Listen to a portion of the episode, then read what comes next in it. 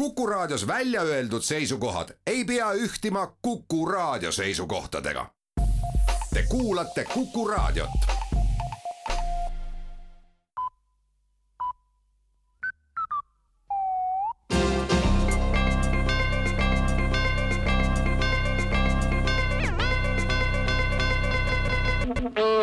tere kuulama uudiseid stuudios Rohke Develak valitsus on põhjalikult analüüsinud toidukaupade aktsiisi langetamise mõjusid elanikkonnale ja jõudnud järeldusele, et inimesed ei tunnetaks seda.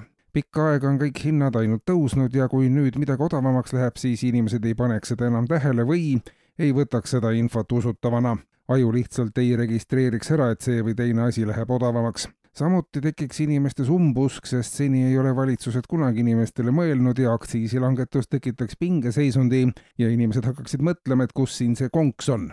Seetõttu on otsustatud ka aktsiisipoliitikas kui ka teistes küsimustes hoida harjumuspärast joont, et mitte niigi suuri muutusi täis maailmas asjatut ärevust tekitada, märgitakse pressiteate lõpetuseks Eesti Inkassofirmade Liit on saatnud valitsusele ettepaneku võlaõigusseaduse muutmise seaduse muutmiseks. eelnõu sätestaks uue lisana peamiselt nõueteta võlaõigusseadus laieneks ka jõuluvanale.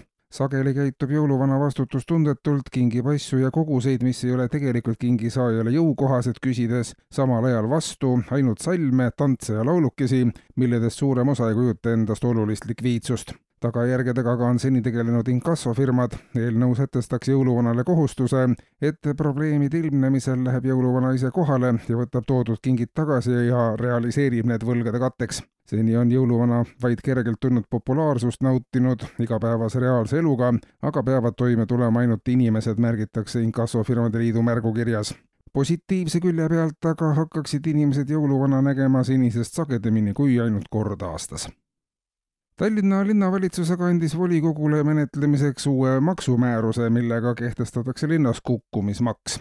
olenevalt inimese kehakaalust tekitab tema kukkumine alati kas suuremaid või väiksemaid kahjustusi kõnniteedele ja ülekäiguradadele.